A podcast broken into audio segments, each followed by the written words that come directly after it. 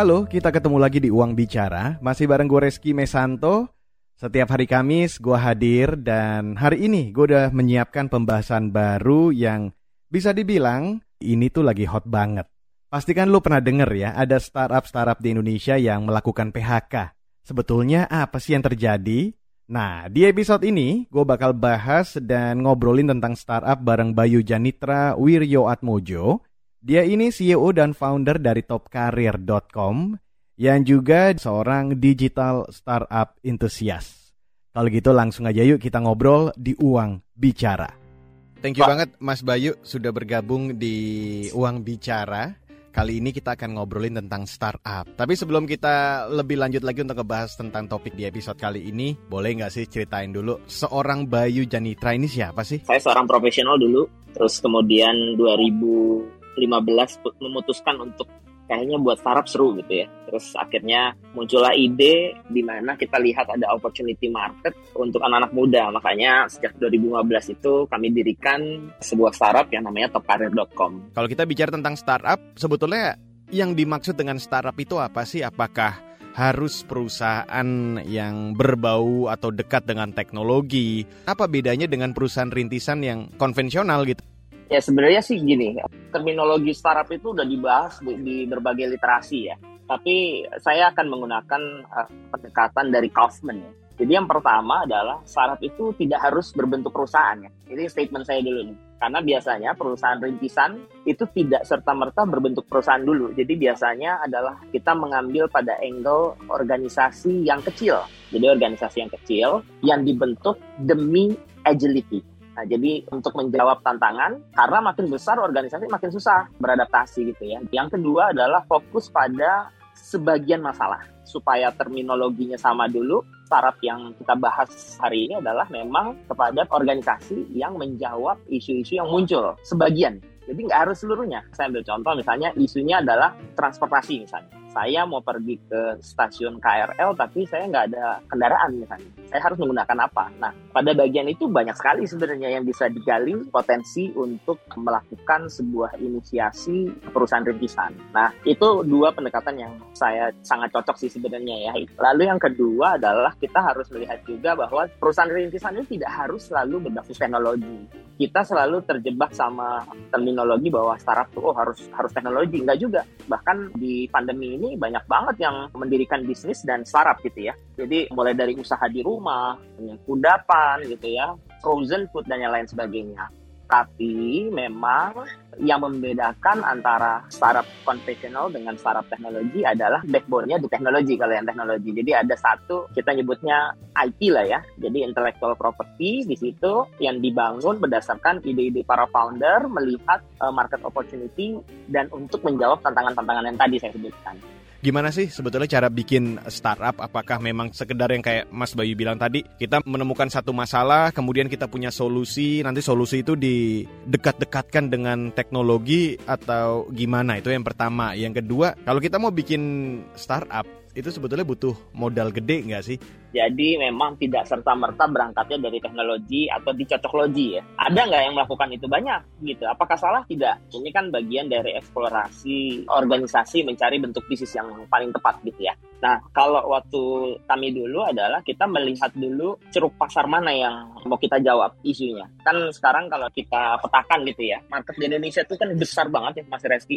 Jadi mulai dari anak muda sendiri, nanti ada lagi senior people gitu ya. Terus ada juga anak-anak, ada toddler gitu ya. Anak mudanya beda-beda. Ada mau anak muda yang melek teknologi sama yang mungkin masih kurang teknologi. Ada anak muda yang tinggal di rural ya, di urban gitu ya, tapi ada juga anak muda yang tinggal di kota besar. Waktu itu kita divine adalah segmennya anak muda, terus kita lihat di segmen mana yang kita akan bermain adalah anak-anak yang memang belum punya experience kan pertanyaan berikutnya adalah oke okay, kalau anak-anak muda yang nggak punya experience emang kesulitannya apa sih? Ketika kita pertama kali lulus ya dari pendidikan mau dia lulusnya SMA ke mau lulusnya D3 SMK S1 dan yang lain sebagainya kan kesulitan kita semua sama. Emang ada ya lowongan kerjanya itu satu ya kan.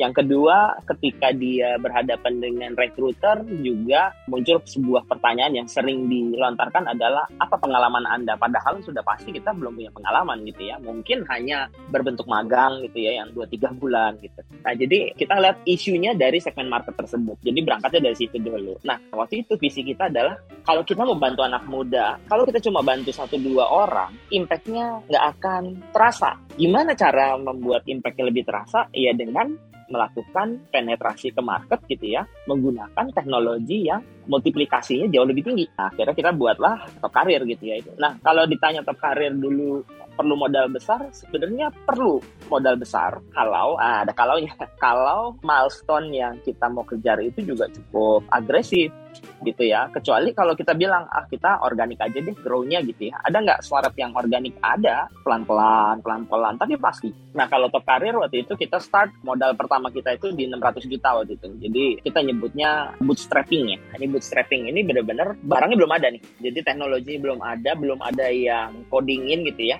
Baru sebatas ide gitu ya. Biasanya dana bootstrapping ini kita gunakan dan kita dapatkan dari angel investor untuk kita gunakan untuk membangun MVP mas. Jadi minimum viable product. Jadi sebuah produk dengan mode minim lah ya. Mode minim itu artinya untuk membuktikan bahwa teori kita itu benar gitu.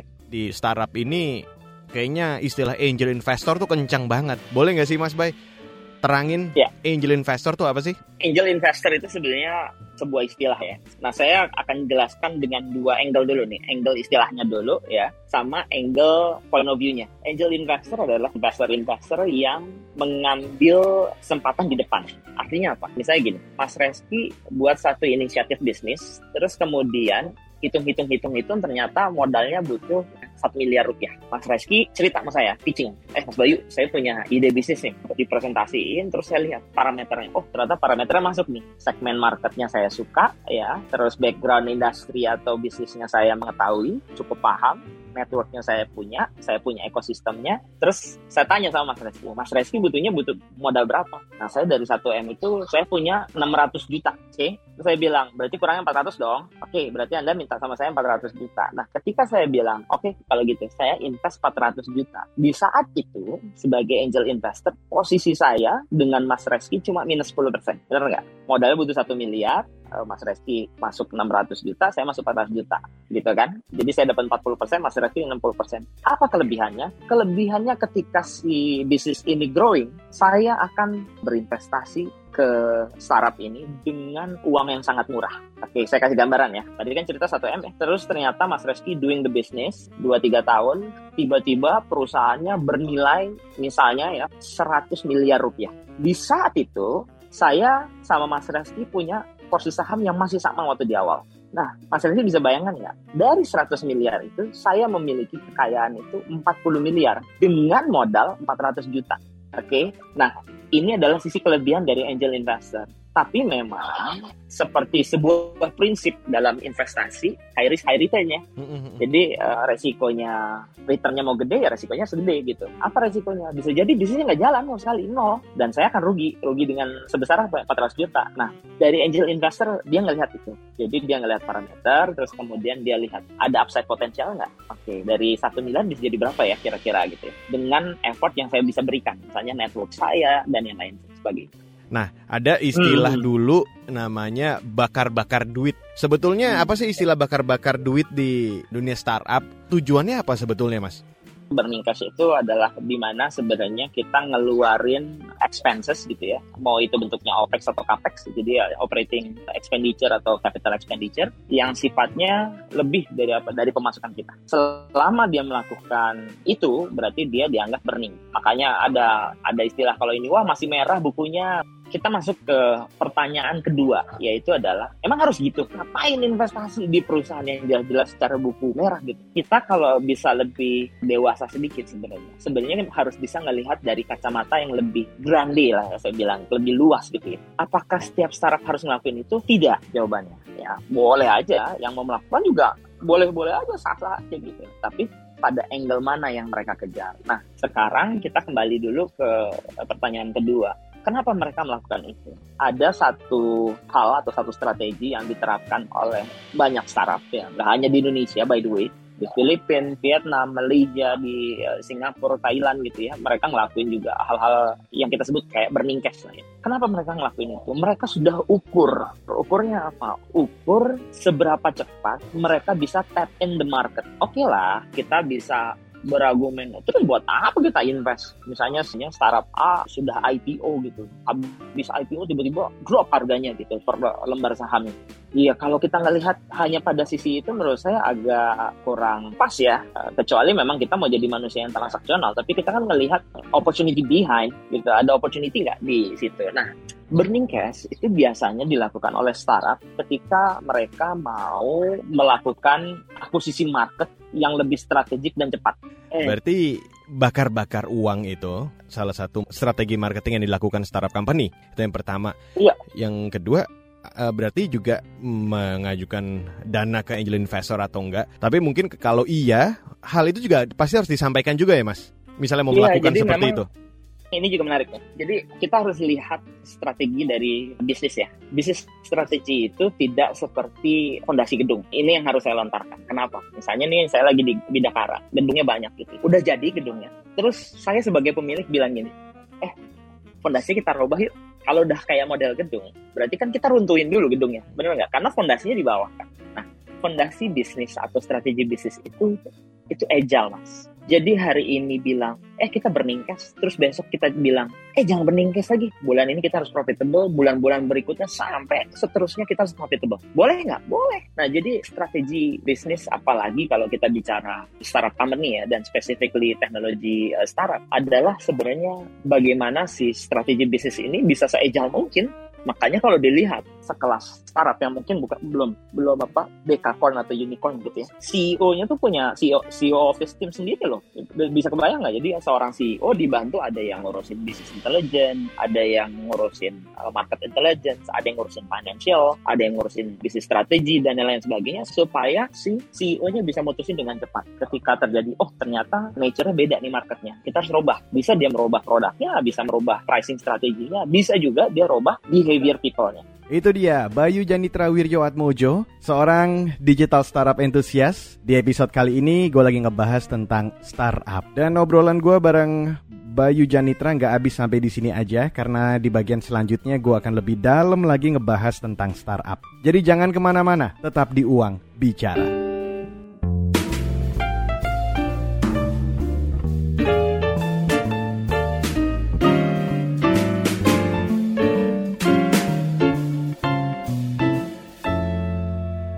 Lo masih dengerin Uang Bicara bareng gue Reski Mesanto. Di episode kali ini kita lagi ngobrolin tentang startup bareng Bayu Janitra Wirjo Atmojo. Dia ini adalah CEO dan founder dari topkarir.com. Kita lanjut lagi yuk. Sesuai dengan topik kita di episode kali ini, banyak banget kita dengar di berita, kita lihat di TV, atau mungkin kita baca-baca di internet. Beberapa startup ini ada yang efisiensi dan segala macam. Kenapa nih Mas bisa terjadi hal seperti itu? Kalau kita cacah lebih dalam sebenarnya, yang dilakukan sama banyak startup itu bukan berarti mereka nggak punya capital. Ini yang salah salah sangka. Jadi market tuh salah persepsi bahwa mereka melakukan layoff itu karena capital reserve-nya berkurang saya bisa pastikan itu belum tentu. Kenapa? Karena bagian dari strategi sebuah startup adalah mereka bisa aja kembali kepada kitaknya si, si startup itu sendiri. Lah bayangin uh, Mas Reski, misalnya mereka doing dua tiga hal gitu ya. Terus kemudian organisasinya waktu start 8 orang. Tiba-tiba tiga tahun kemudian karyawannya 200 orang. Seberapa complicatednya ngerubah the whole strategy into operation gitu. Itu kan nggak mudah gitu. Itu satu. Yang kedua, kalau kemudian teman-teman mungkin eh, masyarakat ada yang memberikan statement, oh, ini gara-gara kemarin sih bakar-bakar duit, udah gitu pandemi lagi, makanya company jadi goyang dan segala macam. Ya sekarang kita kembali lagi, siapa sih yang mau pandemi gitu ya? Tapi kita lihat hikmah dari pandeminya itu sendiri. Sebenarnya hikmah terbesar dari pandemi itu sendiri, itu organisasi mulai berkaca. Emang saya butuh ya sampai 200 orang? Iya, kalau 200 orang itu eh, produktif, terus kemudian efektif, efisien dalam ngerjain semuanya Malah karena orangnya kebanyakan, banyak pekerjaan yang kita sebut tumpang tindih. Bisa terjadi nggak? Uh, tamu. Itu luar biasa. Saya akan lebih senang kalau pakai istilah namanya rasionalisasi.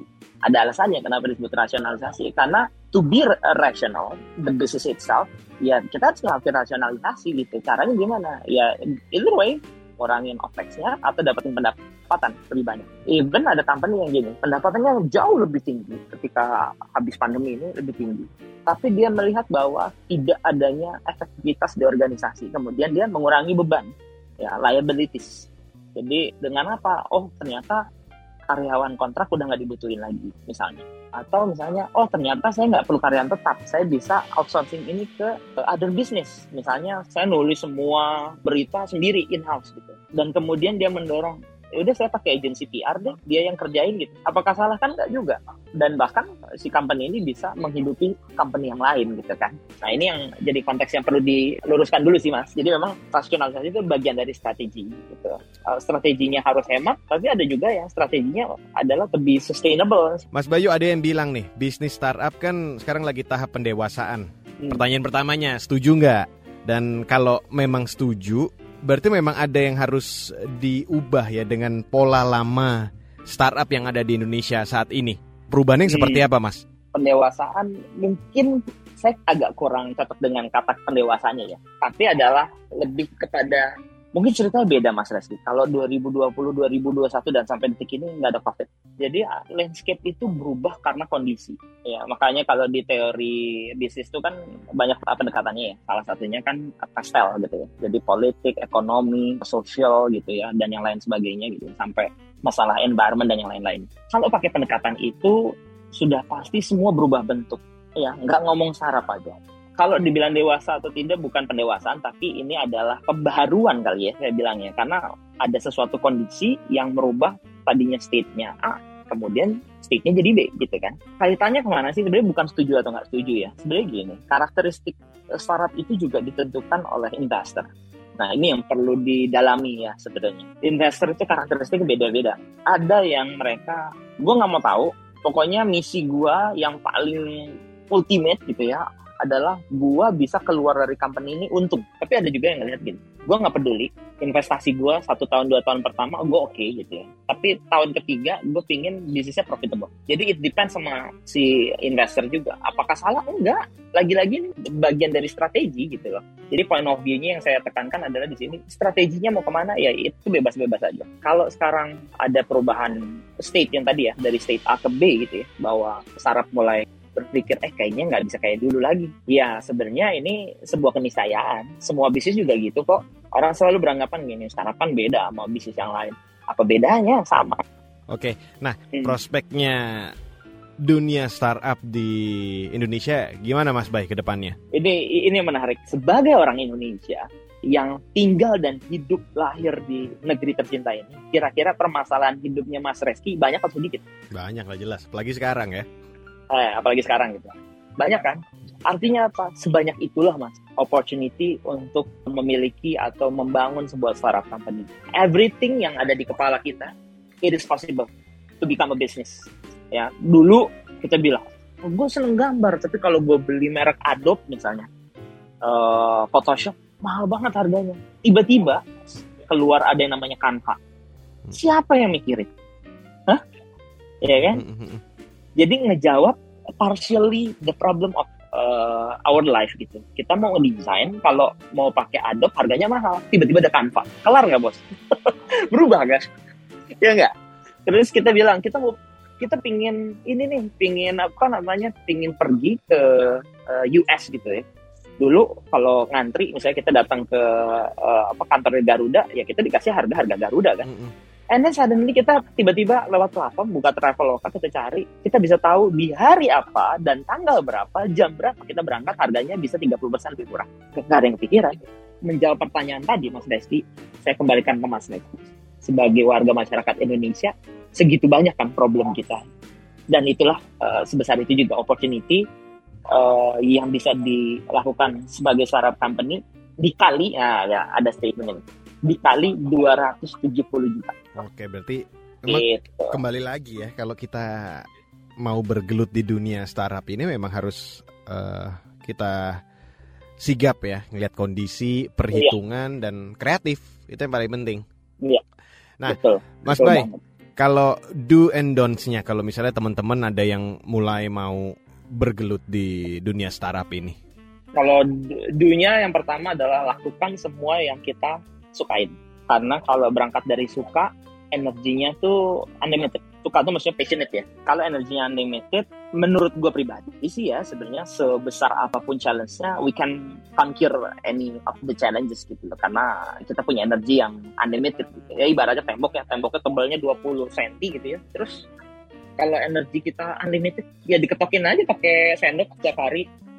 tiga jam, tiga jam lama-lama juga kita terus ya bro. Jadi ini yang dunia. Yang kedua adalah bener-bener tahu market mana yang mau kita tuju. Karena nggak ada dalam setiap angle itu tidak ada semua market punya kita. Dan di dunia ini super app nggak ada yang 100% berhasil loh. Ya even Facebook, Instagram gitu ya, sosial media yang segede, segede gitu. Sampai sekarang marketplace-nya nggak jalan deh. Padahal apa yang ngebuat mereka nggak bisa jalan? Tinggal nambahin payment, ya kan? Terus fulfillment teknologi ya. Jadi barangnya nyampe nggak kasih orangnya. Nanti kalau orangnya udah nyampe, barangnya bisa dikirim. Tapi nggak dilakuin sama dia. Kenapa? Karena there is no such thing to be a super app gitu ya. Jadi itu yang dulu kedua. Jadi benar-benar tahu spesifik marketnya. Ketiga adalah identifikasi kekuatan diri kita juga.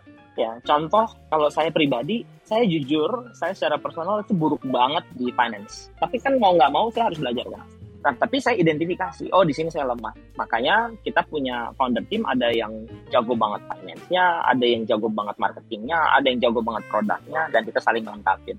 Jadi itu yang ketiga. Yang keempat, fokus jadi dunia itu harus fokus. Jadi jangan pingin semuanya. Oh kalau udah buat kopi, oh gue kalau udah kopi udah jadi, gue mau buat teh rasa susu, teh rasa gula aren, teh rasa ini. Oh nggak kelar-kelar bos. Jadi kerjain satu spesifik, dalemin bener-bener yang vertical. I ibaratnya lu tahu persis kulitannya tuh sampai dalam-dalamannya kayak gitu. Dan yang terakhir adalah jangan lupa untuk evaluate. Ini yang suka lupa.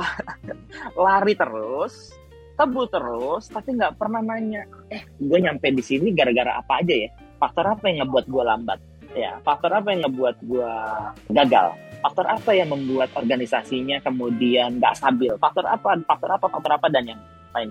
Jadi evaluasi uh, itu sih dunia. Kalau jangan yang tidak dilakukan satu FOMO jadi ada rasa wah yang lain buat startup gitu wah segala macam. Gue buat deh bisnisnya nggak tahu angle-nya nggak tahu habis lah dia gitu kan. Terus uh, yang kedua yang jangan juga adalah breaching intellectual property. Ini juga jadi perhatian sih kalau menurut saya pribadi ya. Karena ada yang oh, saya yang penting jumlah kliennya banyak pokoknya saya hack hackin deh webnya si A si B si C ngambilin datanya.